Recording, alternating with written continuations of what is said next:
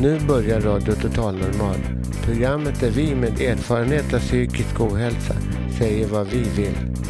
Vi som är med har alla erfarenhet av psykisk ohälsa.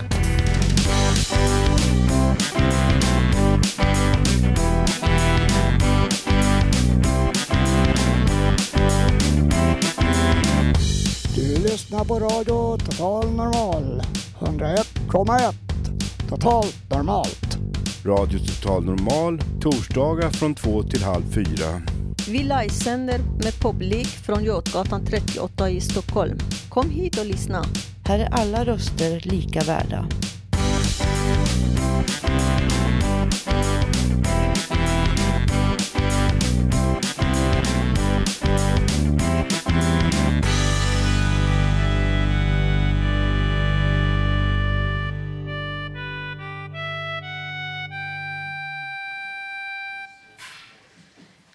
Hjärtligt välkomna alla lyssnare till Radio Total Normal. Välkomna!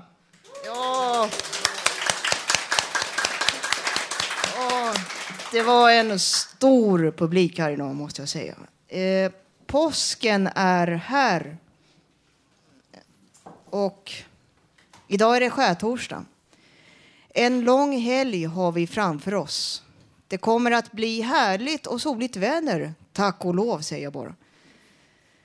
Ehm, idag kommer vi ha olika teaterteman, dikter, livemusik. Vi får höra om påskuppropet, vad det är för något och mycket mera.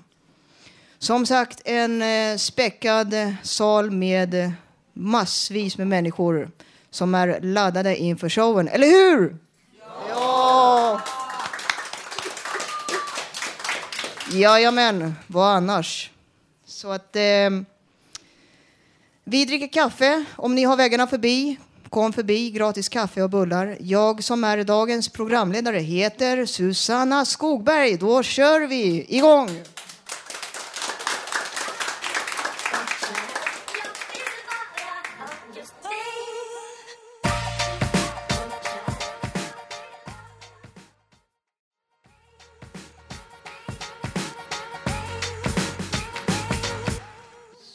Väl, välkomna tillbaka. Nu eh, på plats på scen, Lisa.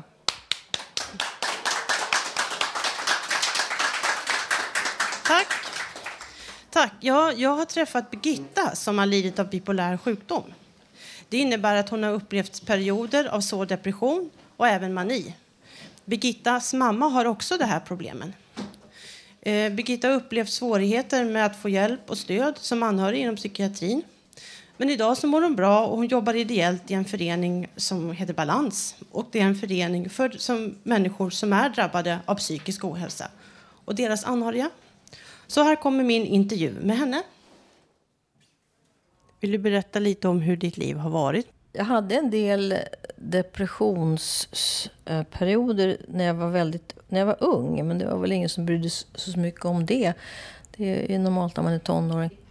Min, när jag fick min son 82 och sen när han var två år så fick han en väldigt allvarlig sjukdom. Och då var jag på barncanceravdelningen på Karolinska. Sov inte på en vecka och sen blev jag bara ivägskickad därifrån med en kraftig psykos. Sen fick jag lite, lite depression. Efter det sen var jag frisk i 6-7 år. Men sen 92 så drabbades jag igen. Och då vet jag egentligen inte vad som hände. Jag höll på rätt mycket med det österländska, yoga, meditation och frigörande andning. Och det var just frigörande andning som fick det att bryta ut. Efter två gånger så packade jag ihop. Jag blev då kraftigt manisk, eller egentligen nästan psykotisk direkt. Och sen deprimerad, så, så har det varit. Du, Birgitta, du gick i psykoterapi för dina problem. Hur tyckte du det hjälpte dig? Uh, ja, det var en psykoterapi som jag fick betald av min arbetsgivare. Och det var två år ganska intensiv sån här vanlig psykodynamisk terapi. Och jag tyckte väl inte att jag blev bättre. Eh, till slut var det den terapeuten som sa att borde inte jag börja äta litium? Alltså hon förstod att det var nog bipolärt det här.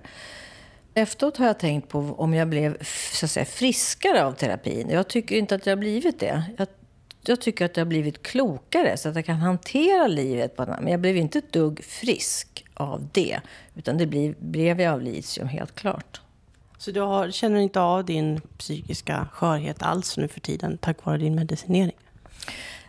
Nej, det kan man väl säga i stort sett. Men sen jag, har jag också lärt mig hur jag ska ta hand om mig. Jag kan inte hålla på och resa och flacka runt och prata hela tiden och, och, och dricka sprit. Det har jag i och för sig aldrig gjort. Men liksom sådana saker, det går inte. Jag måste ta det lugnt, eh, dämpa ner mig, vara ute i naturen. Det tror jag är väldigt bra.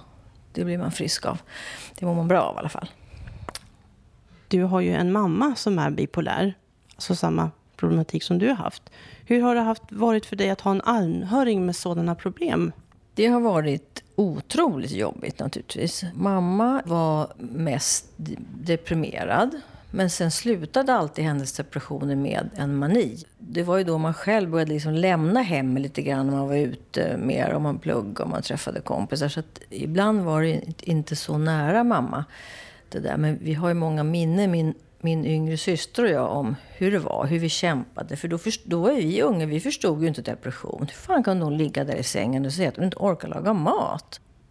Eh, du har haft svårt att prata med din mamma om hennes psykiska problem. Och ni två, när du har gått med henne, så har också haft svårt att få hjälp av psykiatrin. Mamma, hon anser ju inte att hon är manisk. Så det är det som är känsligt. Om man säger det att mamma nu är du manisk, då får man nästan faktiskt en örfil. Så jag har försökt, jag har kämpat mycket, mycket genom åren med henne för att få henne till en riktig läkare, men det har inte gått. Hennes läkare har behandlat henne med antidepressiva och eh, när jag varit med och ändå försökt säga lite fint att jag kan faktiskt det här ämnet ganska bra utifrån egen erfarenhet så har de inte lyssnat ett enda dugg. Och mamma fick då någon gång på 60-talet, litium, vet jag. Men sen tror jag att det var så. Det är väldigt känsligt det här för henne. Att hon, hon tyckte att hon bara blev tjock. Hon tyckte inte att det hjälpte så mycket så hon slutade. Och sen har det varit min kamp som stora syster att försöka få henne att inse att hon är bipolär och borde börja med något liknande litium igen. Men det har inte gått och det har varit ett litet eller stort helvete för framförallt min pappa som är död så många år och oss att se att hon, hon är jättemanisk men gör ingenting åt det. Och, blir, och, blir, och det här aggressiva är så jobbigt när vi säger mamma du måste gå till doktorn. Och hon säger att ingen förstår hur det är när jag är äntligen frisk och ni är bara elaka istället för att vara glada att jag är frisk. Så det har varit jättejobbigt. Hur gammal sa du att du var när hon blev dålig första gången? Åh, det blir svårt att räkna. Jag var väl 16, 17 sådär någonting. Du var på väg ut ja. i vuxenlivet? Ja. Gick i gymnasiet och det låg lite långt bort och så. Jag tror det var ungefär så. Mm. Och sen när du fick du dina problem några år senare, sa du då? Jag vet ju inte hur det var Jag var lite deprimerad i skolan och då, då pratade jag med mamma. Och det kanske bara var någon vanlig tonårsgrej. Det är så svårt att veta efteråt. Och sen fick jag väl egentligen inte det här förrän... Eh, jo, jag bröt foten 68. Då var jag också deprimerad faktiskt. Och då fick jag lite antidepressiva. Det det gick över. Och sen senare när sonen var sjuk, 84 då. Och det konstiga är ju kanske, kan man tycka, att vare sig jag riktigt eller läkarna sa att det här är nog också bipolär sjukdom. De behandlade mig länge bara med antidepressiva. Och det kanske jag skulle ha förstått, men jag gjorde inte det. Tänkte inte så. För jag var, hela min sjukdomsperiod har mest varit långa, långa, långa depressioner och sen kort uppåt. Men när du själv insjuknade, kunde du lära dig då av det du sett hos din mamma? Förstod du en del och kunde känna igen något? Ja, det kunde jag nog när det gällde depressionerna. Den där totala energilösheten. Det kunde jag nog förstå. Men då var det ju kanske min man och min sambo och son som inte riktigt förstod varför mamma bara låg. Och jag vet att jag stod en gång i köksdörren och så såg jag soppåsen var full. Den borde slängas ut. Och jag sa till Kalle att jag orkar inte gå dit och knyta ihop den här påsen. Jag kan inte det. Och det, alltså, det går nästan inte att förstå. Men det är så det känns. Helt slut. Du har mycket kunskaper har jag om hur det är att ta sig ur en psykisk sjukdom. Känner du att du har nytta av det i föreningen? Det har jag väldigt nytta av. Och sen är jag också ute och, och föreläser. Jag kanske inte kallar det för det, men informerar om föreningen Balans och mig själv på Huddinge sjukhus till exempel för sådana här PPI-grupper. Psyk jag vet inte, jag kommer aldrig ihåg vad det betyder, psykopedagogisk intervention eller något. Men det är patient och anhöriggrupper som får lära sig om sjukdomen, basala grejer, mediciner, behandling, eh, tidiga tecken och så. Där jag pratar och där känner jag nog att, att eh, där har jag något att komma med. För jag har tagit, alltså jag, jag bryr mig om det här. Jag, jag kämpar för att inte bli sjuk igen. Och då får man ju lära sig sådana här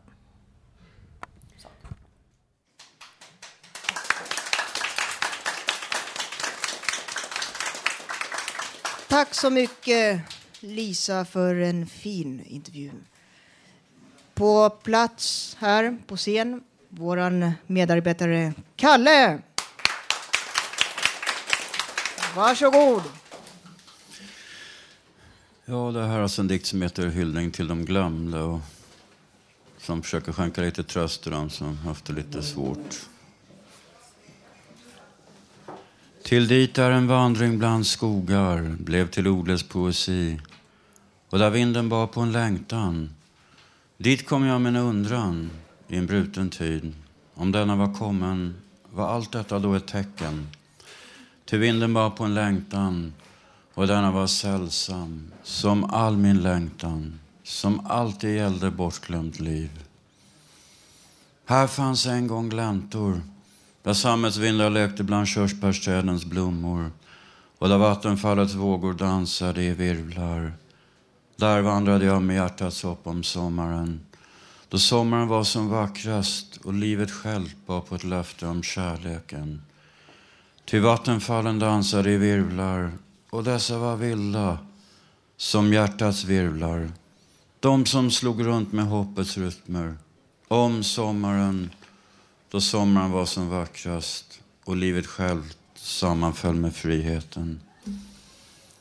Här finns nu en plats där bara glömska råder och okända tecken talar om livets gåtor. Där har jag sett körsbärsträden sloka under ett sorgflor. Men någonstans längre in ett bortglömt budskap från himlen. Ty regndroppar vilar på bladen och dessa tycks som tårar som himlens egna tårar. De som fallit för alla dem som bär på bördan av ett bortglömt liv.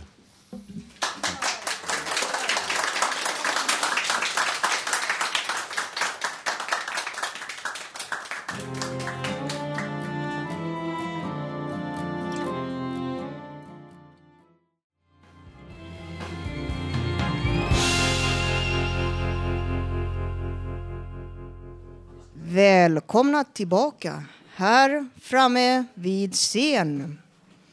Får jag presentera Puma scenkonst som ska berätta om sin pjäs Virgin Suicides.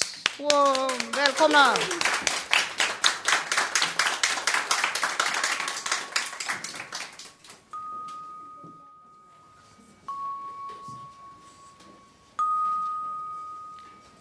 Mamma var helt överspänd. Hon försökte vara sådär lugn och behärskad under hela ambulansfärden. Men det får henne bara att framstå som en galning. Hon skakade som ett asplöv och knep ihop läpparna så att det blev som ett tunt pyttelitet streck. Och det var som om hon hade lyckats trolla bort sina egna läppar.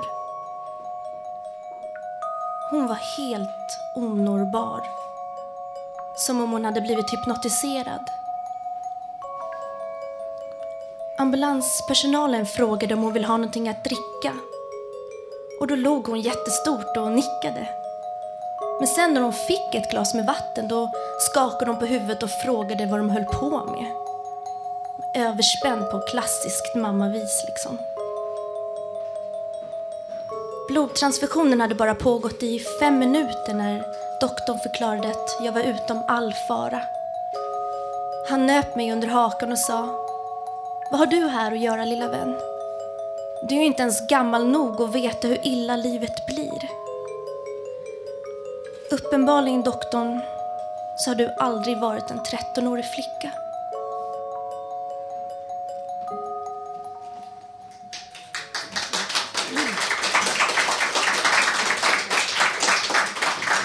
Ja, hejsan, välkomna. Tack. Välkomna. Ehm, hej Puma, vill ni berätta vilka är ni och varför är ni här? Ja. Eh, Vill du berätta? Du får berätta, gärna. Eh, Ja, vi är då en eh, frigrupp, Stockholmsbaserad frigrupp med feministisk inriktning. Och, vi har varit verksamma i Stockholm i tre år. Ehm, Och vi är här för att berätta om vår föreställning Virgin Suicide som har premiär på lördag. Ja, och då spelar vi på Moment Teater i Gubbängen. Ett gästspel då, Puma scenkonst. Och vi spelar 11 föreställningar av eh, Virgin Suicides där. Vi har premiär nu på lördag, 23 april. Spelar till 14 maj. Och det, klockan 19, precis. Ehm, och eh, föreställningen eh, riktar sig till ungdomar i åldern 14 till 25. Men alla är självklart välkomna. Um, och uh, vi har en hemsida också som heter www.pumascenkonst.org. Där kan ni hitta information om föreställningen och boka biljetter. Uh, ja, och anledningen till att vi uh, sätter upp den här föreställningen är för att ja, det finns ju en film som heter The Virgin Suicide som Sofia Coppola debuterade med för ungefär tio år sedan. Som vi alla såg då när vi var i 20-årsåldern och eh, fick ett väldigt starkt intryck av. Den filmen baseras i sin tur på en bok som vi har läst. Och eh, vi har väl velat, velat göra en eh, tolkning av den här berättelsen som då handlar om fyra systrar som lever i USA någon gång efter 1950 i en medelklassförort med sina två föräldrar som är strängt religiösa. Och, eh, de lever under ganska strikta förhållanden, mycket regler och sådär och är lite utstötta från samhället. Ehm, och eh, vill du fortsätta? Ja, pjäsens tematik handlar ju just om eh, ganska mycket om identitet, vem man får vara i olika sammanhang och vem man inte får vara och de delar av sig själv som man måste lägga band på. Och som i systrarnas fall till sist nästan radera totalt som ja, stor del av, av, av sin identitet. Och det är väl främst ungas psykiska ohälsa som, som vi vill diskutera med den här pjäsen. Den här berättelsen avslutas ju då med, den påbörjas med att eh, den yngsta systern Cecilia, som ni fick höra eh, lite alldeles nyss, det var Cecilia som pratade, Eh, hon försöker ta sitt liv i början av berättelsen och lite senare så lyckas hon också göra det. Och det här leder till konsekvenser för de andra systrarna såklart. Ehm, de isoleras allt mer inne i sitt hus och föräldrarna vet inte hur de ska hantera det här självmordet och de får inte något egentligt utrymme för att uttrycka sina känslor. Vilket eh, leder till att de isoleras mer och mer och går in i något som man väl kan tänka sig vara en depression. Tills de slutligen tar sina liv, eh, de återstående tre då, gemensamt. Mm. Eh, vill ni presentera er, ni som är med i Puman? Vad heter ni? Vad heter du? Carolina Hyllner heter jag. Regissör. Manus och regi. Aurelia Lusch, manus och regi. Emelie Lövgren, jag är producent. Och Magdalena Myte, skådespelerska. Eh, tack. Jag tänkte... Tack så mycket. Eh, ja, det låter väldigt intressant det här att ni tar upp eh, det här Sofia Coppolas eh, film också och talar om suicid som också är väldigt tabubelagt i samhället. Det eh, är mera fall än till exempel trafikolyckor.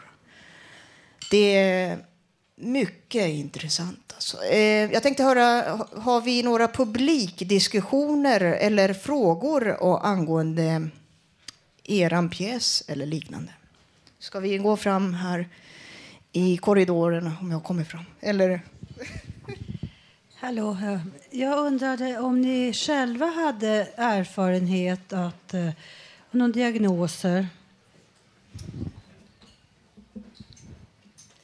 Ja, depression.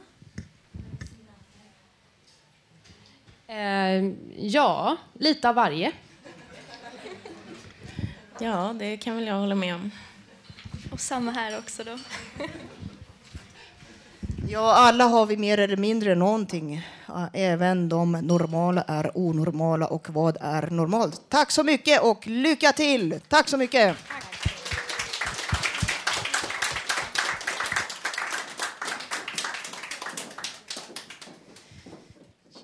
Ja... Ingen musik. Ja, då går vi vidare här, min kära publik. Eh, och nu, mina damer och herrar, Katrin Loford på scen.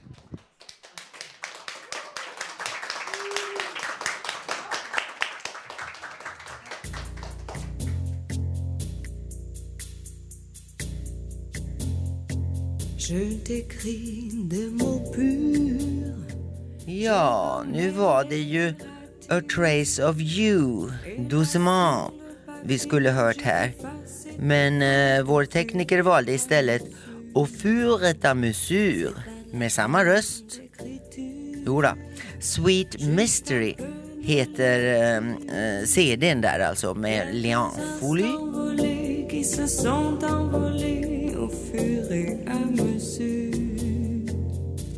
Ja, hej förresten och hur har ni det? Aha. Mm. Ja, men visst är hon bra. Den, här, den där, äh, ja jag vet inte, Folie, jag har aldrig träffat henne. Jag köpte henne i Paris. Nej, i Genève menar jag. Ja, ja. Och sen faktiskt använde jag en låt där på CDn eh, till min egen show när jag var där och dansade. Ja, det har jag berättat om. Eh, 91 var det väl? Jo, det var det.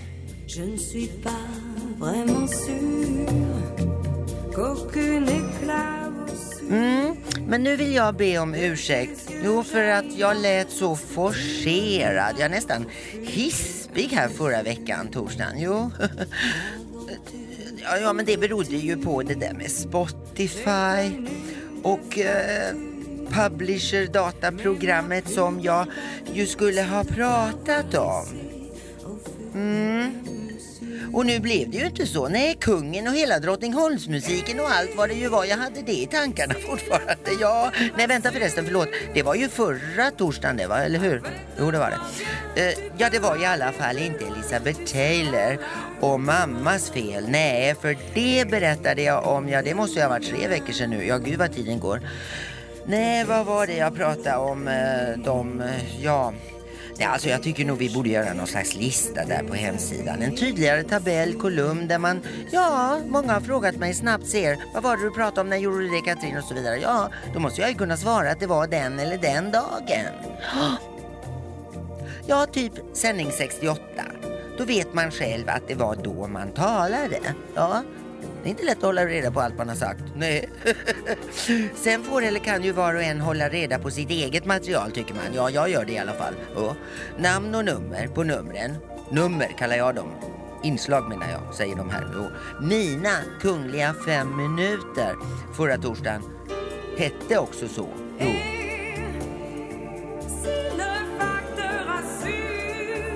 Men eh, eftersom vi är så många med så olika teman går det knappt att döpa sändningarna. Nej, jag vet inte riktigt men eh, ett nummer borde de få.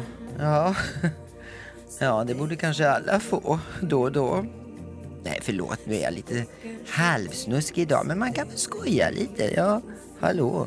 En engelsk version är på gång har jag hört. www.radiototalnormal.com Ja, låter inte det bra? Och vi ska ju erövra över hela världen sägs det. Ja, även i Fontänbladet som kom ut nu i veckan kan man läsa om just RTN. RTN. Jo, alltså den som kom nu med drottningen på fronten. Där i aprillummet finns mycket spännande denna månad. Ja. Men hörni, nu åter till det här Spotify och det där annonsbladet från Telia. Ja, som jag tyvärr slarvade bort. För jag skulle ju haft det här som underlag sist. Nu kanske inte alla lyssnade då, men det går ju bra att klicka tillbaka och lyssna. När jag då lät så där himla hispig istället för, ja, ja det är så dumt så det är pinsamt, men nu har jag bett om ursäkt. Och den där Spotify-killen eller karln där på fronten som blev intervjuad, ja, om uppfinningen, det här med Spotify, konceptet och hela grejen. Ja, han såg ju rätt bra ut tyckte jag. Tror jag att det var han. Jag är inte säker. Ja, herregud. Ja, jag minns inte riktigt för jag har så mycket på skrivbordet nu. Och det sa jag faktiskt också förra gången tror jag. Eller om det var förra, förra. Nåväl. Eh, men det var han, tror jag. ja, nej men det var nog han på Teliabladet. För i Fontänbladet har vi inte haft någon Spotify eller publisherkille. Nej, verkligen inte. Inte intervjuade i alla fall om sånt där produktsnack. Nej, det har vi inte haft. Men eh, det var ju jag som skulle ha pratat om all den där, nu måste jag andas lite också, tekniken och begreppen, termer ja, och så vidare. Systemen, dataprogrammen, mobiler med att Spotify är en musiktjänst på nätet. Hallå, hallå, det har jag förstått nu. Ja, trots att jag slarvade bort bladet. Ja.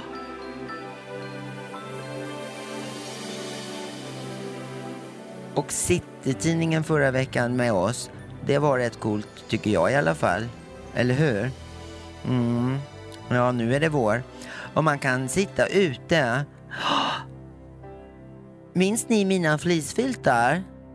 Jag, jag, jag talade ju faktiskt om dem eh, på Clarion Hotel, för det var ju rätt länge sedan nu förresten. Men hur som helst, på Järla sjökrog i Nacka finns de, alltså fleecefiltarna, inte de som är på Clarion, nej de andra där. Och de är i beige.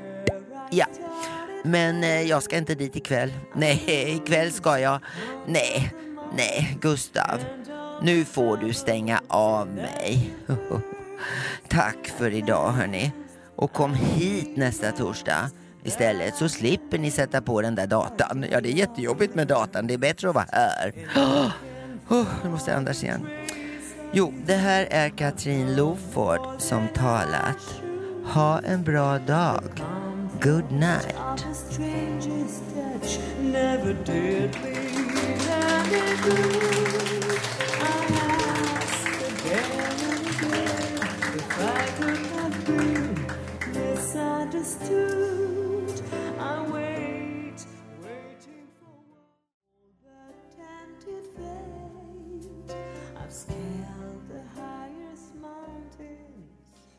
Så, jag tänkte upplysa om att det är stopp i trafiken mellan Stockholm central och Årstaberg på grund av brand vid Stockholm södra. Eh, ni kan ta buss 4, 55 och 43 har omlagd körväg. Då återgår vi i programmet och vår medarbetare Tom Bergqvist är här åter. Välkommen med en låt. Välkommen.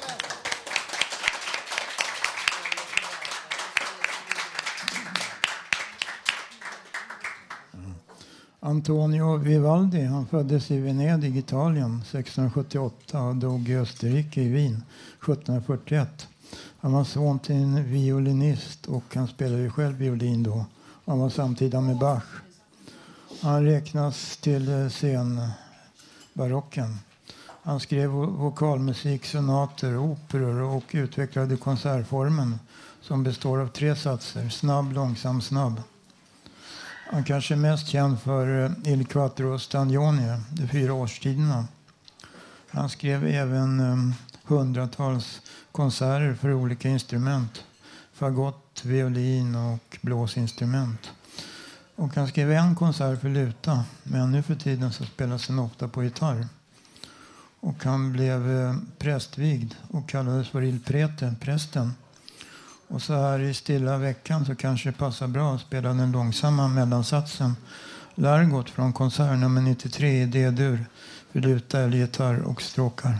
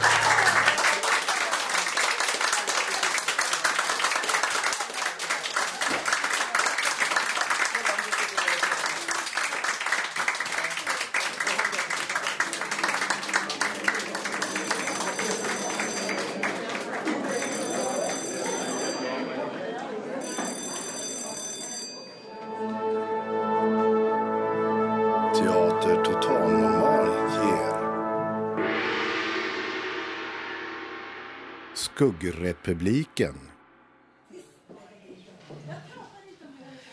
Ja, då Radio Totalmal 101,1 över hela Stockholms län och på webben kan ni lyssna.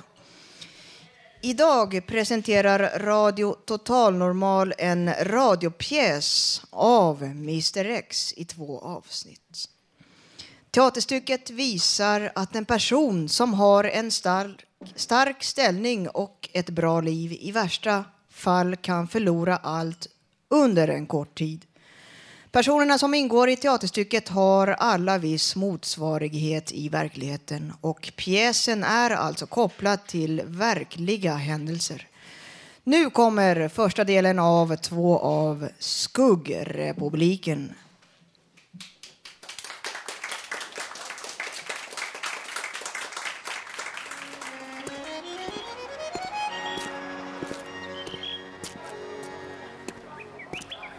Det var vår i luften, fast ännu inte svensk vår, utan våren vid Medelhavet i april. Han gick med lugna steg efter den breda avenyn signerad Il Duce parallellt med Foro Romano. Den eviga staden Rom visade sig från sin bästa sida.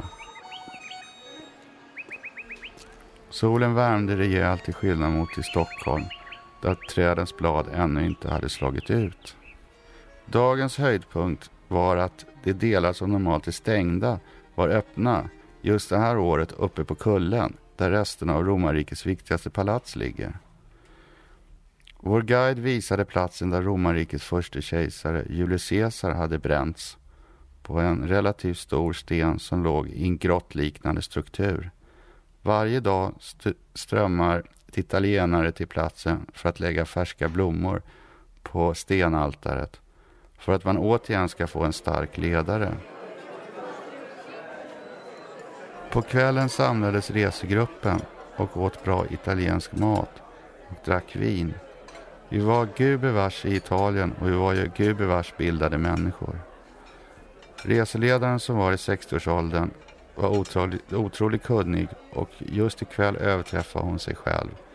En lite fyrkantig, en gång säkert ganska fysisk kvinna med blond parsfrisyr och blå ögon bakom ett par neutrala glasögon. Överhuvudtaget en person som avvek till yttre totalt från de flesta italienare. Men hon var sprängfylld av italiensk kultur. Plötsligt avslutade hon sin monolog med att kommentera sin hälsa. Hon sa att hon led av synbortfall och att läkarna sagt att det berodde på stress. Omedelbart försvann allt pladder från mina öron och min hjärna tycktes drabbas av en ljusblixt från ett förflutet och en helt annan värld än denna normala värld där svaghet inte existerade. Jag flyttades till ett annat land, en annan tid och en värld skild från den normala upplysta gemenskap som jag var en del av. Två kvinnor dök upp för mitt inre och deras uppenbarelse våldtog min skenbart totalnormala värld Först såg jag Katrins godmodiga ansikte framför mig och var nästan färdigutbildad socionom när hon i slutet av 60-talet drabbades av synbortfall på en begränsad del av synfältet. Hon krockade sin folkvagnsbubbla med en annan bil eftersom den befann sig i den del av synfältet där hon inte såg. Efter att hon hade besökt en optiker i ett par minuter frågade optikern om hon valde Karolinska eller Södersjukhuset för att hon led antal av hjärntumör. Operationen lyckades och det mesta av tumören kunde skäras bort. Man lyfte bland annat på synnerven och skar under den. Eftersom tumören var godartad var den inte farlig om den inte började växa. Nästa ångestblixt kom när jag svalde mitt vin och kom att tänka på en kvinna på 30 år med ett barn som hade levt helt normalt när hennes hjärna plötsligt långsamt började ruttna. När jag träffade henne kunde hon fortfarande promenera själv. Men talet var helt borta förutom att hon kunde sända ut ett stönande ljud. Tillsammans med den sista resten av mitt vin försvann bilden av mig själv som en välfungerande och distingerad bildad person i den eviga staden Rom och framtonade istället bilden av, från en av de värsta platserna i Stockholm, det stora mentalsjukhuset Långbro. Det var där jag träffade Sabina vars hjärna ruttnade. Reseledaren försökte fixera blicken bakom glasögonen och log och sa. Hur var maten och vinet? Det var ändå jag som rekommenderade allt för dig. Har du glömt det? Han tänkte desperat att reseledaren kanske hade drabbats av en hjärntumör. Och hela hans italienska illusion föll ihop som ett korthus. Plötsligt hade bilden av alltid välfungerande resenärer bytts mot bilden av den skröpliga människan som lever bara en begränsad tid. Nästan mekaniskt vände sig mot en mörkhårig resekamrat som satt inklämd bredvid honom och sa. Hon kan ha hjärntumör. Fast jag vet inte. Jag inbillar mig nog.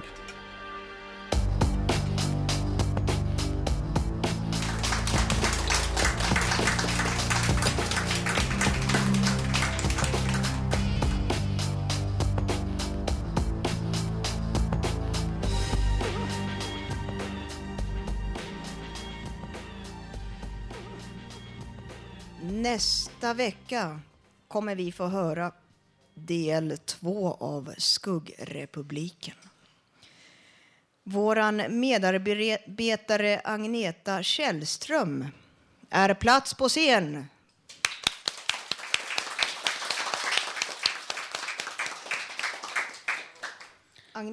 Agneta vill efterlysa lite bättre mediciner mot olika åkommor. Varsågod. Tack så mycket. Jag har alltid undrat varför är jag så kaotisk, så ostrukturerad, så bra på att påbörja projekt och så dålig på att avsluta dem.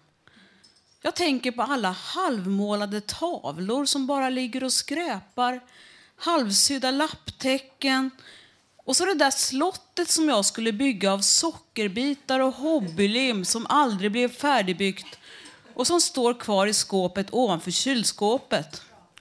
Alla halvlästa böcker i bokhyllan, den där uppsatsen i arkeologi som aldrig blev färdig, alla tentor på universitetet som aldrig blev gjorda, alla högar med papper på skrivbordet som jag borde ta tag i, halvfärdiga kokboksmanus och annat skräp. Antingen ska man göra klart eller bestämma mig för att kasta. Och källarförrådet ska vi inte prata om. Adressboken full med kontakter som jag inte hört av på flera år. Kanske borde det rensas där med. Finns det inte någon liten tablett man kunde ta som gjorde att man blev bättre på att fullfölja projekt och lite mindre benägen att påbörja nya? Så man kunde bli lite mer välorganiserad och strukturerad. Ett ordning och reda-piller. I januari 2008 medan jag fortfarande pluggade på Hagabergs folkhögskola i Södertälje blev jag uppringd av min före detta boendestödjare Eva-Marie som tillsammans med några kollegor hade tänkt starta en grupp för klienter inom socialpsykiatrin i Huddinge kommun där jag bor. Vi skulle arbeta med att förbättra verksamheten. Jag gick till det första mötet och jag tyckte att det verkade jättekul. Kanske delvis för att det fanns en väldigt sexig kille med där på träfflokalen och som gick omkring med en dyrbar kamera och ett väldigt stort teleobjektiv. Gruppen fick namnet BRIGG, alltså brukarinflytandegruppen. Och den bestod av fyra boendestödjare och fyra till fem klienter som representerade psykiskt funktionshindrade människor i Huddinge. Vi hade massor med idéer i början. Och jag får erkänna att jag tyckte det var väldigt roligt att träffa alla de här människorna. Någon gång under hösten 2010 blev vi bjudna på en resa till en konferens med Socialpsykiatriskt forum i Göteborg, vilket jag tyckte var helt underbart. Och så var det många av klienterna i Brigg som ville återinföra helgöppet på träfflokalerna i Huddinge. Och vi gjorde en enkätundersökning. Och jo då, det fanns ett stort intresse för helgöppet men kanske inga pengar. Så vi uppvaktade cheferna inom socialpsykiatrin vid flera tillfällen och vi fick veta att det fanns en liten möjlighet att få pengar. Kanske kunde det vara en personal och en klient som kunde hjälpas åt att hålla öppet på lördagar och söndagar. Vi klienter skulle arbeta ideellt förstås. Vid den tiden hade jag hunnit få en anställning i Huddinge församling på 25 procent samt en praktikplats i Flemingsbergs församling, även den på 25 procent. Jag hade blivit ihop med Mats och jag undrade hur jag skulle orka arbeta på helgerna också. Plus att jag under våren 2009 hade blivit tillfrågad om jag ville sitta med i styrelsen för Vårby Fittja hembygdsförening. Blivit smickrad förstås och tackat ja. Vidare tyckte cheferna inom socialpsykiatrin att vi inom BRIGG skulle bilda en ideell förening. Och det kom fram att gruppen ville ha mig som ordförande och då tänkte jag, hur i helvete hamnade jag i allt det här? Körledaren i Vårby kyrka ville ha mig tillbaka med i kören, men jag ville ju bara sjunga solo på söndagar. Kanske måste jag ställa upp och vara med i kören för att kunna få sjunga solo. Det är en fråga om tjänster och gentjänster. Hösten 2008 hade man börjat tjata på mig att jag skulle vara med i Radio Total Normal också. Och hösten 2010 gick jag med på det. Och I januari 2011 så var Lill-Marit Bugge där på radion för att ragga medlemmar till Nervösa Damteatern. Och jag gick med även där. Och Nervösa Damteatern som drivs av RSMH i Danderyd, det blev som en förälskelse. Lill-Marit Bugge är visserligen inte heller så värst strukturerad och organiserad, men hon är en helt underbar konstnärlig ledare. Vi håller till i en fin lokal nere vid Edsviken. Om jag skulle bli erbjuden något styrelseuppdrag i RSMH så borde jag nog tacka nej till det. Kan inte doktorn skriva ut ett tacka nej-piller? Varför tackar man ja till en massa uppdrag? Jo, man känner sig smickrad för att folk vill ha en med. Jag bestämde mig för en tid sedan att gå ur BRIGG och även gå ur styrelsen till hembygdsföreningen. Det hade varit så mycket tjafs i den där styrelsen och det tog mer energi än det gav. Jag ville ju mest vara med och baka kakor men alla gamla griniga kärringar satte sig på tvären. Jag bestämde mig också nyligen för att nu ska jag bara arbeta 25 procent trots att jag bara har 50 procent i förtidspension. Så jag sa upp mitt övergångsarbete på Connect PR. De, procent, de 25 procent av min tid som jag varken har lön eller sjukersättning borde jag kunna få bestämma själv vad jag ska göra. Så jag har bestämt att jag vill ha kvar mitt jobb, Nervösa Damteatern, Radio Total Normal, mina kompisar, kontakter med min ursprungsfamilj och min pojkvän så länge jag kan. Jobbet som arkivarie i Huddinge församling det var inget jobb jag sökte, utan det fick jag bara när jag sökte till Huddinge församling så sökte jag egentligen till köket, men jag blev mot min vilja placerad i ett gammalt dammigt musikarkiv. Nu har jag kommit på att fördelen med det här jobbet är att jag sitter ju framför en dator flera timmar varje dag och kan kolla mejl cirka en gång var tionde minut och på så sätt samordna träffar och middagar för alla mina kompisar, både från universitetet, en massa tågnördar och konstnärs-wannabes från Storstockholms lokaltrafik och människor från Asperger Forum. Det hade jag knappast kunnat göra om jag hade jobbat i ett kök. Att koppla ihop människor och knyta kontakter är bland det roligaste som finns. Och laga mat, det kan jag göra på fritiden. Nej, jag har egentligen aldrig haft det så bra som jag har det nu. Bortsett från att det är lite stökigt hemma. Och så ekonomin som kunde ha varit bättre. Kanske finns det ett piller mot dålig ekonomi också. Tack för mig.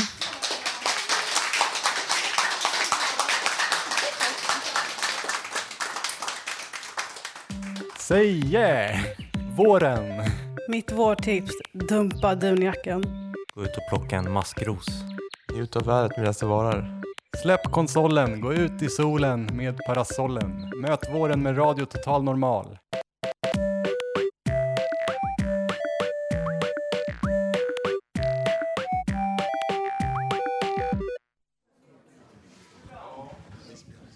Ja, då ska vi se här.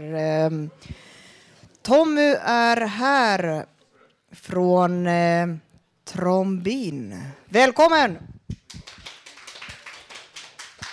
Vill du berätta lite? Ja, vi är en noisegrupp från eh, Studio IT som ligger i Gubbängen. En arbetsträning för eh, psykiskt sköra. Sådär. Så vi är tre killar som har eh, ja, vet du det, ja, träffats liksom där och, och kör. Liksom. Det är helt spontant och helt fritt liksom. Så det är massa oljud liksom.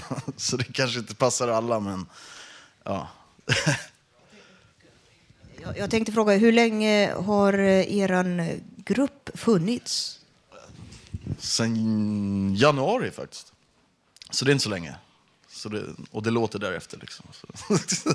Så, ja. Eh, vad heter eh, ni medlemmar som är med?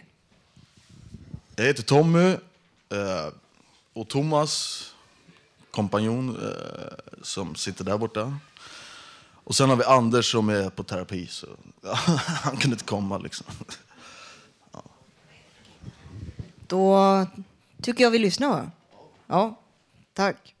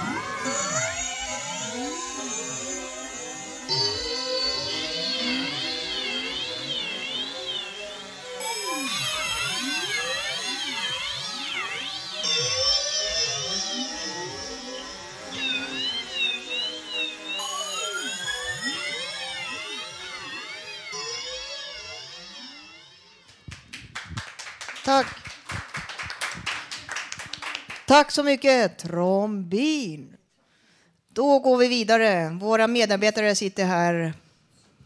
Välkommen! Välkommen, välkommen. Väl mött. Varsågod.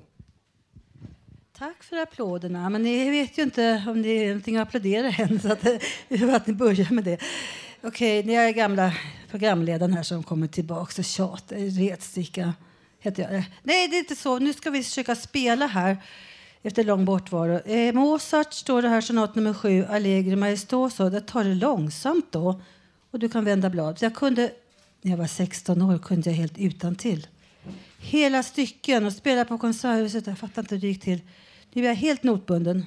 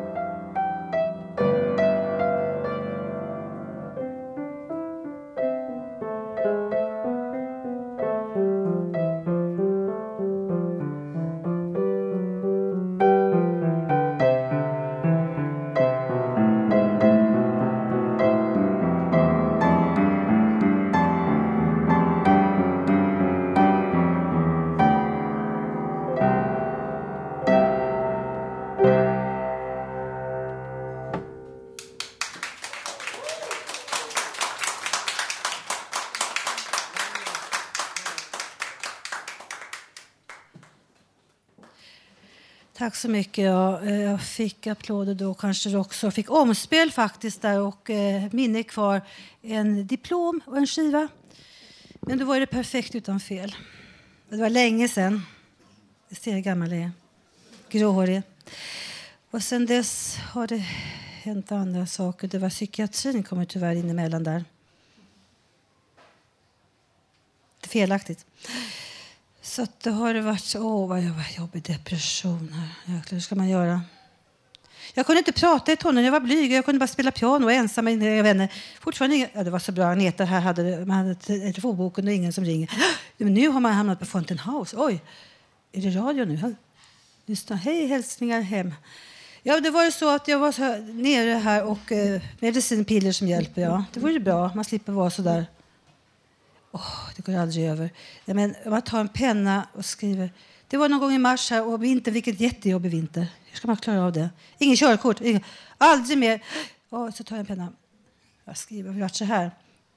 Det var en tidig morgon, strax innan solen börjat gå upp. Löven på träden hade knappt slagit ut. Och det var mycket små, alldeles ljusgröna. Det var i mars nu. En röd sol började komma fram i öster. Och himlen Ursäkta, vad står det här? Himlen är plötsligt mer rosa skimrande bakom lätta moln. Blå timmen och vargtimmen börjar ta slut. Och det är då som man börjar komma upp underbart vackert. Men jag var så deppig. Varför därför? Men inte utan min närvaro. Jag ståtar i min prakt utanför allting och ropar till högre makter att ta hand om allt. God man, vad ska jag göra? Då hände någonting. Jag gjorde ja, Små fredsmarken och kontakt, alltså byta miljö då. Så 19 april här, det var underbart. Det, ah, det hände ett under. Jag är inte deprimerad. Jag har tagit mina Nu spinner jag vidare med blyertspennan. Idag är ju helt strålande. 19 april var häromdagen. Allt har ju bara exploderat ut i blom. Vit och blåsippor, nunnört, vårlök, skilla och allt. Jag vill bara säga stopp. Hejda sig lite nu, naturen. Så att man slipper se att det ska vissna efter ett kort slag. Nej, inte vissna blommor redan. Att de måste tänka, oj, snart höst igen.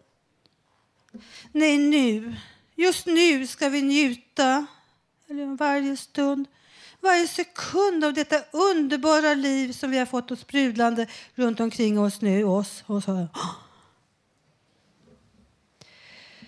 Tack kära Jesus, säger Kristus, för att jag, känslan kom tillbaka äntligen. Efter dessa veckor av ren hopplöshet och fastlåsning och apati. Be att få körkortet tillbaka. Det går inte. Hur ska jag göra för att inte... Nej, tack.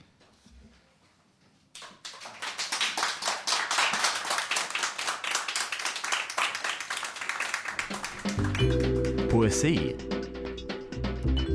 i Radio Total Normal.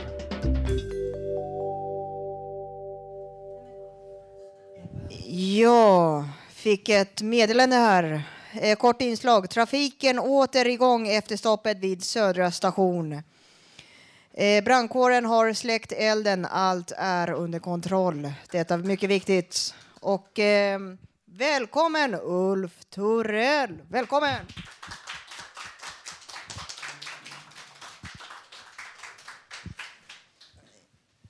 Du har en dikt. Varsågod.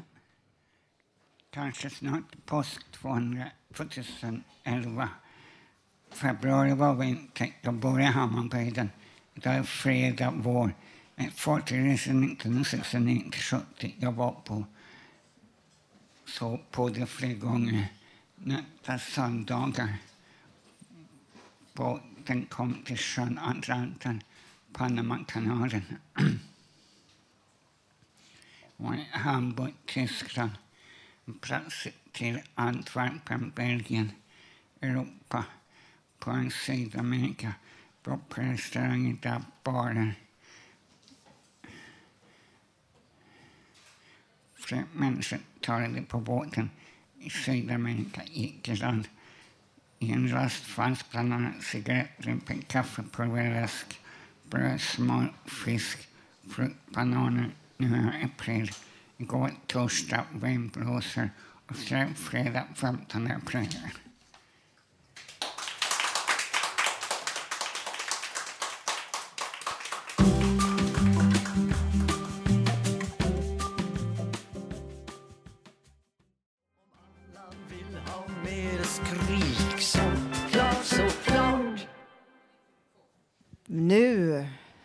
Välkommen Mikael Söderberg. Välkommen!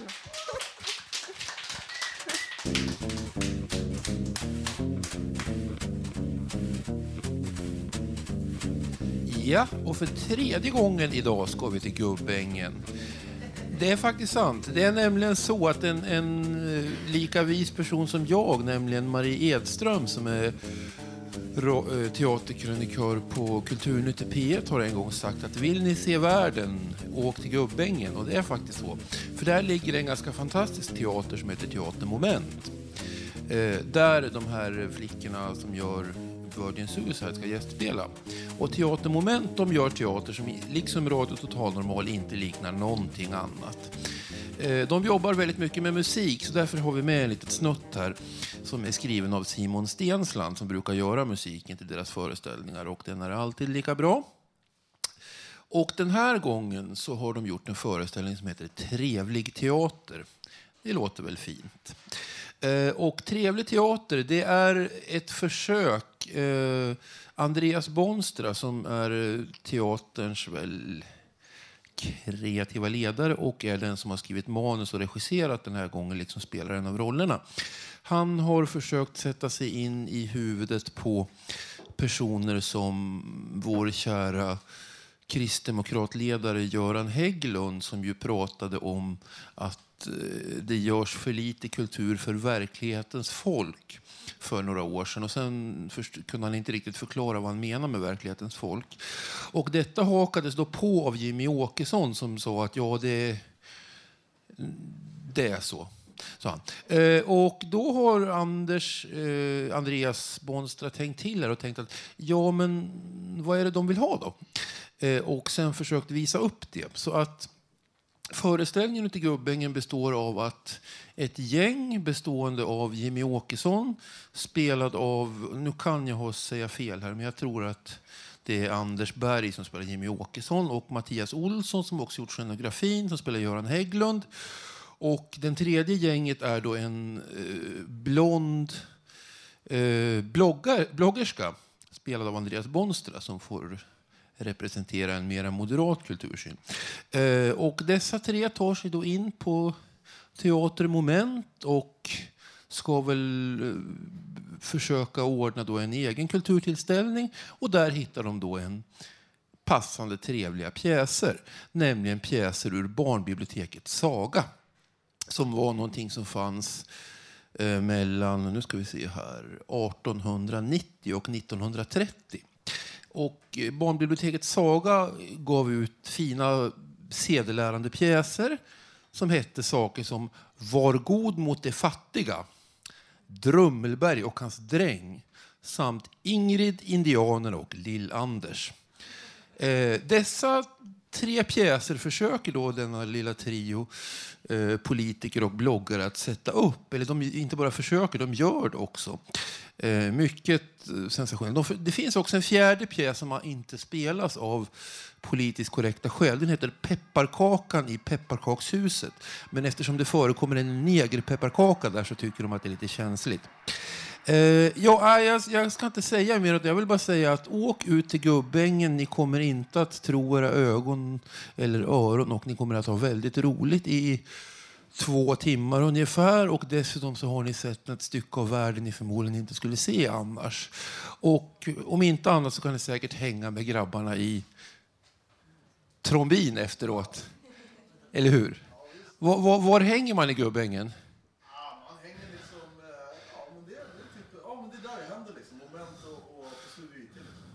Momento Studio IT. Jajamensan, då vet ni vart ni ska i Gubbängen. Absolut. Så vi syns där ute någon gång, om inte annat på Virgin Suicide som väl hade premiär nu på lördag. Och så vitt jag förstår så spelas båda de här pjäserna eh, maj ut.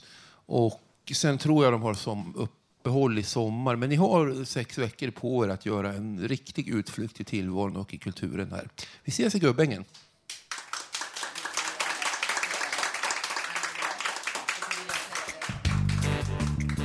Direktsänd radioshow producerat av oss med erfarenhet av psykisk ohälsa.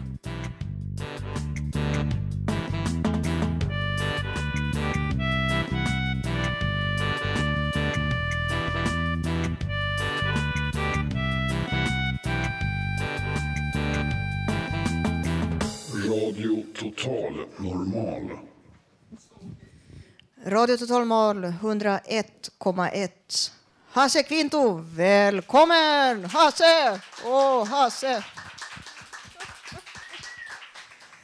Eh, Hasse har gjort en låt om sitt favoritlag i fotboll som heter Heja Malmö FF. Varsågod Hasse. Heja Malmö FF. Idag tänkte jag prata om mitt favoritlag i fotboll som är Malmö FF. Sedan 1964 har jag hållit på dem och det blev så eftersom min pappa kom från Malmö och en septemberdag tog han med mig på Råsunda fotbollsstadion och matchen AIK-Malmö FF som slutade 3-1 till MFF. Malmö FF är det näst bästa laget genom tiderna i allsvenskan. Det är bara IFK Göteborg som har fler SM-guld och leder maratontabellen före Malmö FF. Men MFF är på god väg att gå i kapp. IFK Göteborg i maratontabellen då de ligger åtta poäng efter och vinner Malmö FF i år och nästa år är vi vi i kapp i antal guld också. 1988 skrev jag låten Heja Malmö FF men tycker låten är giltig än idag, så när som på några textrader. Numera får ett lag som vinner tre poäng och pokalen som lagen spelar om heter numera Lennart Johanssons pokal. Malmö FF gästade Stockholm nyligen och mötte Djurgården på Stockholmsstadion. Det såg länge ut att bli en 0-0-match, men i 90 minuten fick Jimmy Durmaz på ett volleyskott som letades in i nätmaskorna. 1-0 till MFF. Och I år har MFF vunnit de fyra inledande matcherna och toppar tabellen. Nu spelas min låt Heja Malmö FF.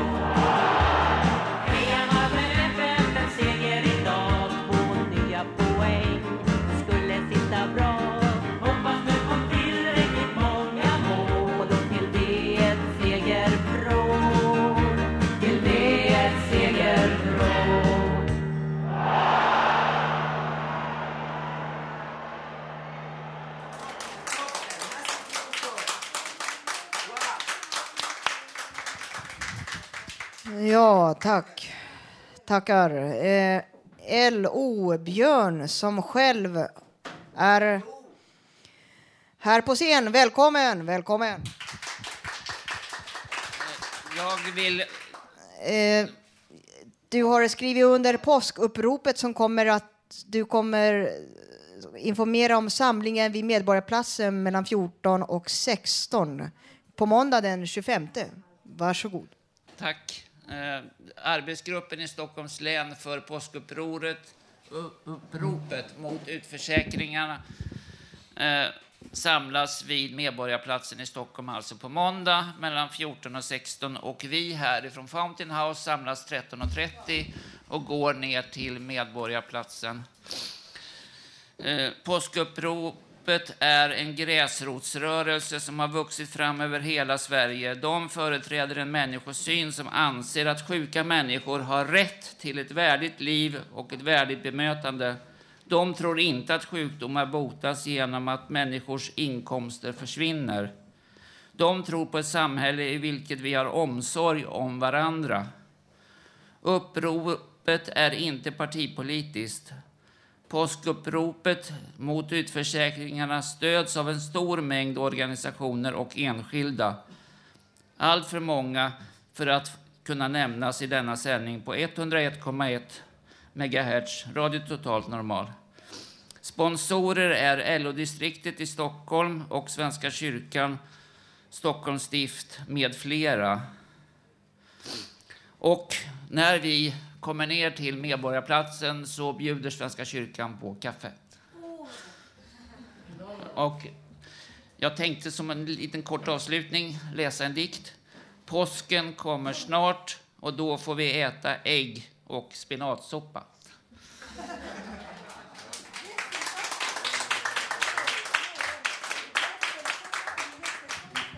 Ja, det kom så många som möjligt dit. Eh, jag kan tala om här att jag har inte haft så här dålig ekonomi som jag har nu sedan 1996. Jag är utförsäkrad efter 11 år.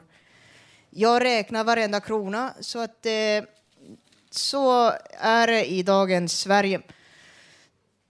Tyvärr. Men detta ska verkställas genom demonstrationen, hoppas jag. Vi närmar oss eh, slutet av programmet. Vi har idag fått höra radioteater, musik, dikter med mera. Du har lyssnat på Radio Total Normal. Vi sänder live varje torsdag mellan två och halv fyra på 101,1 MHz.